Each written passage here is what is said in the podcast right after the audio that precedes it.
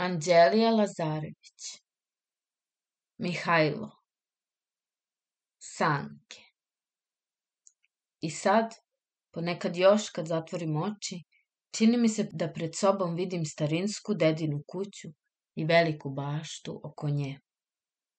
Bašta je dosta zapuštena i po njoj raste kiselo drvo, čiji su izdanci isterali čak na ulicu i probili se kroz zid od opale štale. Pored plota, među drvećem, stoji baštenska klupa od običnih nerendisanih dasaka i isti takav sto. Na klupi sedi čovek sredovečan, neobrijan, u pohabanom odelu i sa ulubljenim žutim polucilindrom. Pred njim na stolu Gledajući netremice u njega, sede dečak i devojčica, dečak krupan, crnomanjast, devojčica sitna, bledunjava sa tankim repićem smeđe kose i poplašenim očima. Deca, to smo moj brat i ja, a čovek je Mihajlo, muž naše kuvarice Lenke. Čovek priča, a deca slušaju. I što čovek duže priča, u vrhovima starog drveta počinje da šumi i šapuće, a devojčica se sve više pribija u svoga brata. Jer Mihajlo uvek priča strašne priče. Od njega smo saznali da u šumama žive crne žene, visoke kao jablani, koje dave putnike ako u šumi zanoće. Saznali smo da noću pustim drumovima jezde konjanici bez glava, da u napuštenim vodenicama stanuju utvare i da se u svakoj crnoj mački skriva vrag. Te mačke je Mihajlo vešto kuvao ponoći na raskršćima i na taj način sticao je silu kojom je vladao nad ljudima. On je mogao učiniti zlo ili dobro, kako je kome hteo i prema zaslugama koje je dotični imao. Dalje smo znali, istina Mihajlo nam to nije kazao, ali mi smo ipak znali da Mihajlo ima negde zakopane pune ćupove blaga i da će se pojaviti jednog dana u svoj svoje slavi, da će nagrađivati zaslužne, a zle će kažnjavati, kuvajući za njih crne mačke, paleći naopako sveće i čitajući oče naš do poslednje reči. Ne, ne, vi ne znate šta je bio Mihajlo ali pored toga što nas je zabavljao majstorski, kako je samo on umeo i što se hranio besplatno u kujni pored Lenke, Mihajlo imao jedno važno i dostojanstveno zanimanje. Rano zorom izlazio je na drum, presretao cigane i seljake sa živinom, kupovao je pojeftin novac i docnije odnosio i skuplje prodavao po varoši. Tako smo skoro uvek ujutru zaticali po nekoliko pari pilića, kojima smo donosili vode i hranili ih mrvicama hleba sa našeg dlana. Vidi si rotok petlića, koliko su mu stegli noge, kazala sam Miši žalosno pokazujući strašne čvorove na nogama šarenog petlića. Moj brat sede pored mene na zemlju i oboje pokuša smo da bar malo razdrešimo i olabavimo kanap. Na jednom, u strašno lepršanje i kokotanje, petlice nađe na sred bašte. Bio je to sasvim mlad Petlić, mršav, dugonog, sa još malom krestom i kratkim perima u repu, koje su odavala njegovo mužanstvo. On stade, kakoćući neprestano, dižući jednu po jednu ranjavu nogu, gledajući nas čas desnim, čas levim okom. Pobeže Petlić, reče Miša, osvrćući se na Mihajla. Mihajlo na prstima pođe za petlićem, ali ovaj poplašen, derući se iz sve grla, prnu i prelete preko plota u komšijsku baštu. Otuda se začu uznemireno kokotanje i larma susedovih kokošiju. Mihajlo, uvek odmereno i ne gubeći ni malo od svog dostojanstva, priđe plotu i prosto se prebaci na drugu stranu.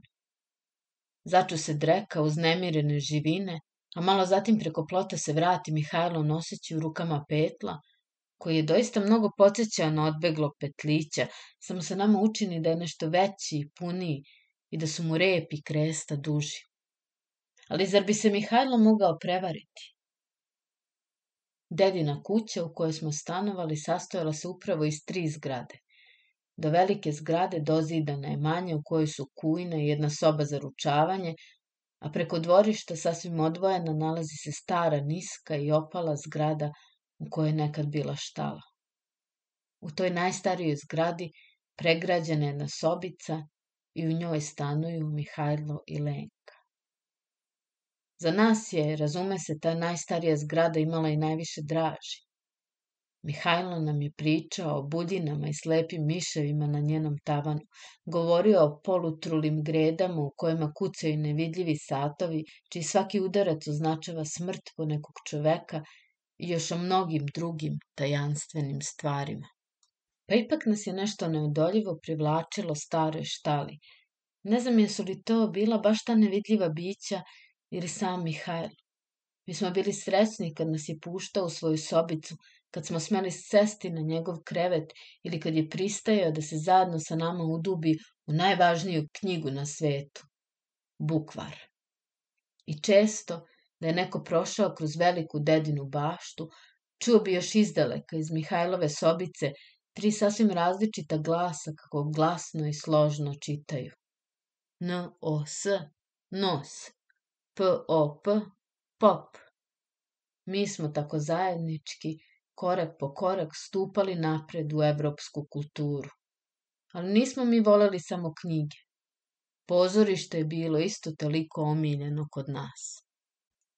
Šatra na malom Kalemegdanu gde se igrala uvek jedna ista, ali čuvena tragedija, bila je mesto gde smo ostavljali svaki ušteđen novčić.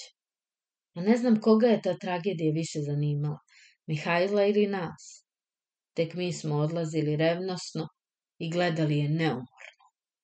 Prolazili smo Vasinom ulicom ponosito, jer zar je bilo koga impozantnijeg od Mihajla sa njegovim dugim crnim žaketom i žutim polucilindrom I zar smo mi mogli doživeti veću čast nego ići s njim glavnim ulicama i držati ga čvrsto za ruku? I tako se desilo jednog dana da smo, ulazeći u šatru, zatekli tu nekog odrpanka koji je, kao i mi, došao da gleda predstavu i stao, zakrčivši nam prolaz. Miči, reče mu Mihajlo poluglasno i kroz zube. Mladić se ne pomeri, već samo preko ramena pogleda Mihajlo. Miči kad ti kažem. Ponovi Mihajlo istim tonom i dižući samo obrve, ali ne i oči. Jer ako te ja sklonim, preletećeš preko Dunava zajedno sa šatrom. Mladić se živo okrete i premeri Mihajla drskim pogledom, ali ugledavši njegov divovski stas i herojsko lice, ukloni se s puta. Znali smo mi da se svi boje Mihajla i da ga svi poštuju. I tako nas troje gordo uđo smo u šatru. A kad je u zimu veliki sneg zavejao dedinu baštu i brežuljak nedaleko od naše kuće, mi smo načinili sanke. Kažem, načinili smo, jer Miša i ja smo revnosno pomagali. Mihajlo je sedao na ciglama u kujni, raširivši noge, a pred njim je ležao sanduk od šećera koji se pod Mihajlovim veštim rukama pretvarao u najsavršenije sanke koje smo ikad videli. Prosto kao u bilinskim pričama. Mi smo stajali pored njega nagnuti, gledajući ga netremici na njegovu kratku komandu dodavali šta je trebalo. Eksere, čulo se, klešte, čekić. Kažem vam, vi ne možete ni da zamislite šta je bio Mihajlo. A kad smo sanke izvukli na breg, Mihajlo je rekao da će prvu probu učiniti on sam. Pa pošto je bio i suviše veliki da bi mogao stati u male dečije sanke, legao je pod bruške. Glava i noge daleko su mu strčale na obe strane i rukama se opirao da sanke pre vremena ne idu niz prižuljak. I vidjet ćete, ako ne proletim čak kroz onaj plot na kraju poljane. Ne znam koliko je Mihajlo ozbiljno mislio, ali je bukvalno izvršio svoje obećanje. U tren oka sjurio se niz brežuljak, preleteo preko poljanice i glavom projurio kroz stali opali plot. Daske popucaše, a Mihajlo nestade s one strane plota. Mi od smeha popada smo u sneg. Tako nešto umeo je samo Mihajlo. Tapšući rukama od oduševljenja, strčali smo zatim niz brežuljak, teturajući se po snegu, padajući i ustajući. Ali mi smo kličući potrčali da mu izrazimo divljenje. Na plotu se videla samo dera, a Mihajla i Sonica i svega ostalog beše nestalo. Dotrčali smo do plota, a tu nas odjednom zaostavi neki nepoznati glas. I to samo ako te vidim. Nijedno čitavo rebro, jesi li razumeo? A sad marš odatle. Marš! Dreknu taj nepoznati glas i neko snažno nogom udari sonice koje izletaše kroz deru skoro istovremeno kad i Mihajl. Mi se nađe smo oči u oči sa našim divom. On zastade za trenutak u nedoumici, očigledno nezadovoljan što nas tu vidi. Žuti polucilinder stajao mu je u zatiljku, a na čelu su se jasno videle crvene čvoruge i ogrebotine koje je dobio prilikom prolaska kroz plot. Onaj glas nije se više čuo. Mi smo gledali začuđeno Mihajla u dubokoj neverici da može biti nekoga ko s njim govori na taj način, nekoga ko je Mihajlu smeo reći marš. Autoritet je visio o koncu, ali Mihajlo se brzo pribra. Jednim od svojih energičnih pokreta i ne mareći ni malo za ogrebotine i čvoruge, on natuče polucilinder na oči, isprsi se i viknu. Napred marš! Mi ga pogleda smo ozarena lica. Marš! dreknu Mihajlo. I mi uzdignute glave, vukući za sobom sanke, u triumfu odmašira smo kući, sa Mihajlom na čelu. Lutrije. Jednog lepog jesenjeg jutra po našoj bašti šetao je divan čuran. Bio je beo kao sneg, sa dugačkom crvenom krestom koja mu je padala s jedne strane kljuna i sa repom koji je raširen bio velike kao vodenični točak. Lepše lice mi dotle uopšte nismo videli. Mihajlo je sedeo na niskom pragu svoje sobice u svom crnom žaketu i sa žutim polucilinderom u zatiljku. On je sa uživanjem posmatrao Ćurana grickajući pikavac od cigarete. Kad god bi Ćuranova kresta pobledela i veliki točak se savio i spuštao zemlji, on bi vadio ostatak od cigarete iz usta i počinjao da zviždi. I kresta bi ponovo pocrvenela, a divni beli rep širio se kao ogromna lepeza. Nemoj da ga prodaješ, poče smo da molimo i ja i Miša. I neću da ga prodajem, reče Mihajlo. Daćemo ga na lutriju. Kako? Kome ćeš ga dati? Gde ćeš da praviš lutriju? U kafani kod nedeljka. Mizinu smo od čuda. To će dakle biti prava velika lutrija. Znali smo mi tu nedeljkovu kafanu.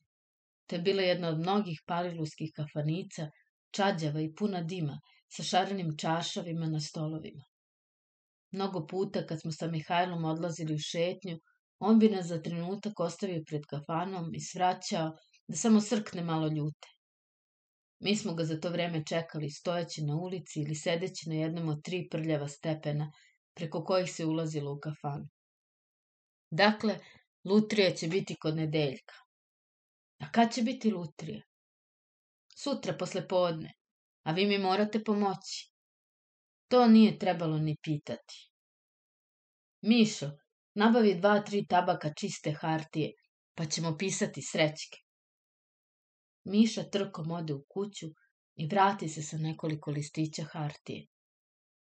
Uđe smo u Mihajlovu sobu i posede smo oko stola. Hartiju iseko smo na četvrtaste komadiće, zatim Miša krišom sa tatinog stola dobavi mastilo i pero.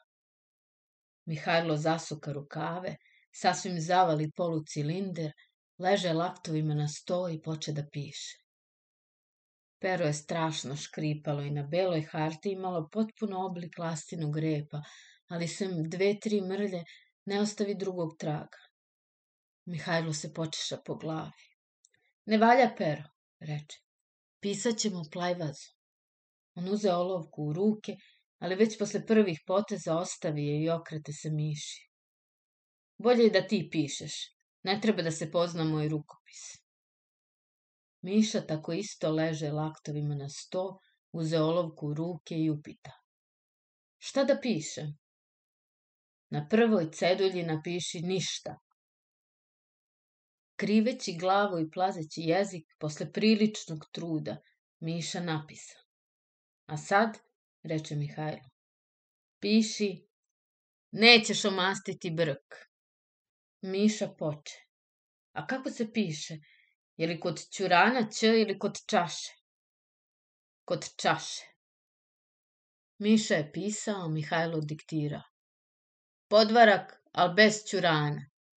Pa onda, prevario si se. Pa posle kaži, ako ti ne treba. Mihajlo je bio neiscrpan. I najzad, skoro na poslednjoj cedulji, bi napisano. Ćuran. A sutra ćete reći mami da ćete biti sa mnom u botaničku baštu, pa ćemo kod nedeljka. Da vidite šta će biti. Mama, ne sluteći ništa, rado nas pusti sa Mihajlom, samo se začudi kad vide da je Mihajlo poneo ćurane. Prodao sam ga Iliji Bakalinu, pa ću mu odneti u prolazu. Da bi zavarali trag, mi se uputismo pored Ilijine bakalnice, pa svrnu smo u sokače i skoro trčeći, odosmo kod nedeljka. Kad se Mihajlo pojavi sa ćuranom, u kafani se diže graja. Održao sam reč, evo ga, vikao je Mihajlo. Groš i po srećka, šeset para. Za šeset para svako može dobiti ćurana. Vidite, braćo, kakav je. On diže ćurana visoko i pokaza ga svima u kafani. Svako može da ga dobije. Ćuran za podvarak, fini. On smesti ćurana pod jedan sto u kafani, zatim skide svoj žuti polucilinder, napuni ga ispresavijanim hartijama i protrese ga. Plaćajte i uzimajte cedulje. Evo, dete neka drži šešir, da ne mislite da je podvala. Groš i po srećka. Mišu popeše na stolicu u sred kafane i dadoše mu u ruke Mihajlov šešir sa ceduljama. Ja se sabih sasvim uz vrata i najzad sedoh na prag od kafanice. Evo, ja kupujem prvi, viknu nedeljko kafeđija. Dede, promešaj batu. Novac zveknuo sto, Miša protrese šešir i nedeljko izvuče srećku. Čekajte, braću, stanite, vikao Mihajlo. Niko neka ne otvara cedulju dok se ne, sve ne rasprodaju. Posle ću ja da udarim tri puta šakom o sto i to je signal. Onda svi otvorite. Gosti počeše redom prilaziti, novac je zveckao, Miša je tresao šeširom. Ko još nije kupio? Šeset para, gospodo, a videli ste čurana, kao labut. Šešir se praznio. Još tri srećke samo, ko nije kupio? Daj meni još jednu, reče Nedeljko, bacivši novac na sto. Pa ja ću još jednu, začu se gliše berberi na glas. I njegov novac sveknuo sto. A evo, ja ću poslednju da kupim, viknu Mihajlo, bacivši sam novac na gomilu. I ja kupujem srećku za mog ćurana. A sad? I on jako lupi tri puta štapom u sto. U kafani se diže paklena graja, uzvici i smeh. Dobro je što ćeš pojesti ćurana, derao se gliša berberin, zavirujući u nedeljkove sedulje. A poješćeš ga i ti, odvraćao je nedeljko smejući se.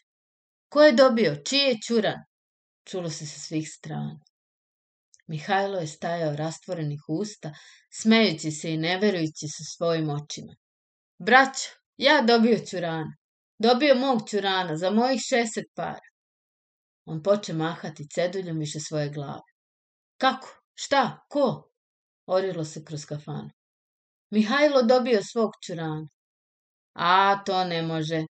Osuše neki s protestima. On je podvalio. Džabe samo pokupio naše pare. Nije podvalio. Sami ste vadili cedulje. Prepirka poče vatreno. To nije pošteno, vikali su jedni. Svog ćurana meće na lutriju i sam kupuje srećke. Ko je to još video? A što? Što da nije pošteno? Nadvikivao ih je kapeđija nedeljko. Kupio čovek pošteno srećku i platio. Jes, platio samome sebi. Graji nije bilo kraja. Međutim, Mihajlo je napunio džepove dobivenim groševima, uzeo ćurana ispod stola i sa mišom pošao vratima. Na vratima još skide šešir, pozdravljajući one koji su ostali. Pa, hvala, hvala vam, braćo, na ovim groševima. I mi pođo smo kući. A dugo još čulo se za nama iz kafane. To nije pošteno. Što da nije, jeste. Platio čovek 60 para. Ko je to još video? I tako dalje. Čuran je posle još dva dana šetao po našoj bašti između visokih stabala, pućkao i na Mihajlovo zviždanje širio svoj veliki beli rep, a zatim ga je nestalo i mi ga više nikad nismo videli. Sveti Nikola Tek što smo završili s večerom i Lenka je iznela prljavo posuđe kad neko zakuca na vrata. Slobodno, reče mama. U vratima se ukaza jedno nepoznato lice sa dugom sedom bradom, kakva se uopšte kod smrtnih ne viđa.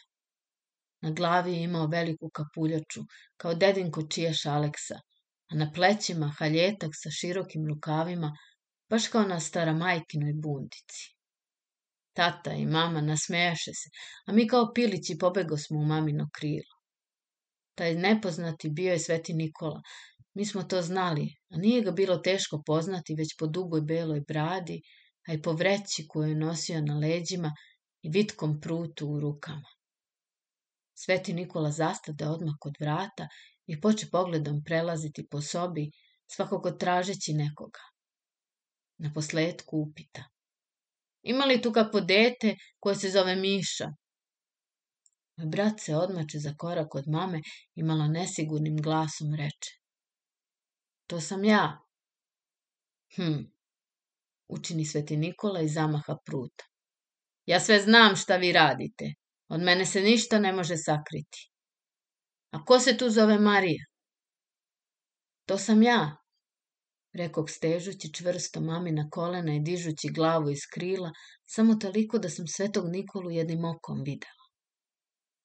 Ja sam vam donao poklone, reče sveti Nikola, skidajući veliku vreću s leđa, spuštajući je predase i drešeći. Donao bih vam i više, ali niste uvek bili dobri. Ti se, Mišo, onoma tukao s decom na ulici, a to nije lepo.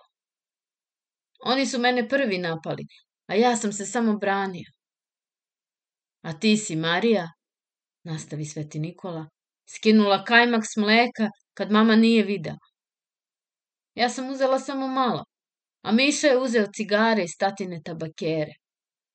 Ja sam ih dao Mihajlu, meni je Mihajlo tražio. Sveti Nikola kao da se oseti malo nezgodno.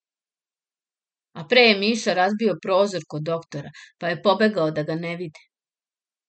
A ti si od bakalina tražila bombone, a od piljara si primila jednu krušku.